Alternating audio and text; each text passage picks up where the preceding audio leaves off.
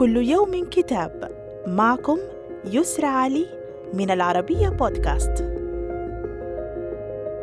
نتناول اليوم كتاب من بلاط صاحبة الجلالة للدكتور إياد أمين مدني وزير الحج الأسبق ووزير الثقافة والإعلام السعودي السابق. يحمل الكتاب هموما فكرية وسجالات ثقافية توزعت بين النقد والدعوة إلى التنوير. عبر مقالات كانت تشعل الرأي العام وقضايا فكرية وثقافية. كما تتضمن مسارات متنوعة في الرحلات والتنمية الاجتماعية والاقتصاد. ويستذكر فيه الكاتب جانبا من الركض الممتع أحيانا والمضني دوما في صناعة القصة الصحفية التي تحمل هما انسانيا وتواكب الحدث وتبحث عن الحقيقة. ويتضمن الكتاب مقالات وحوارات وسجالات ثقافية أعاد نشرها بعد أربعين عاما من اشتعالها في فضاء يعج بالحركة.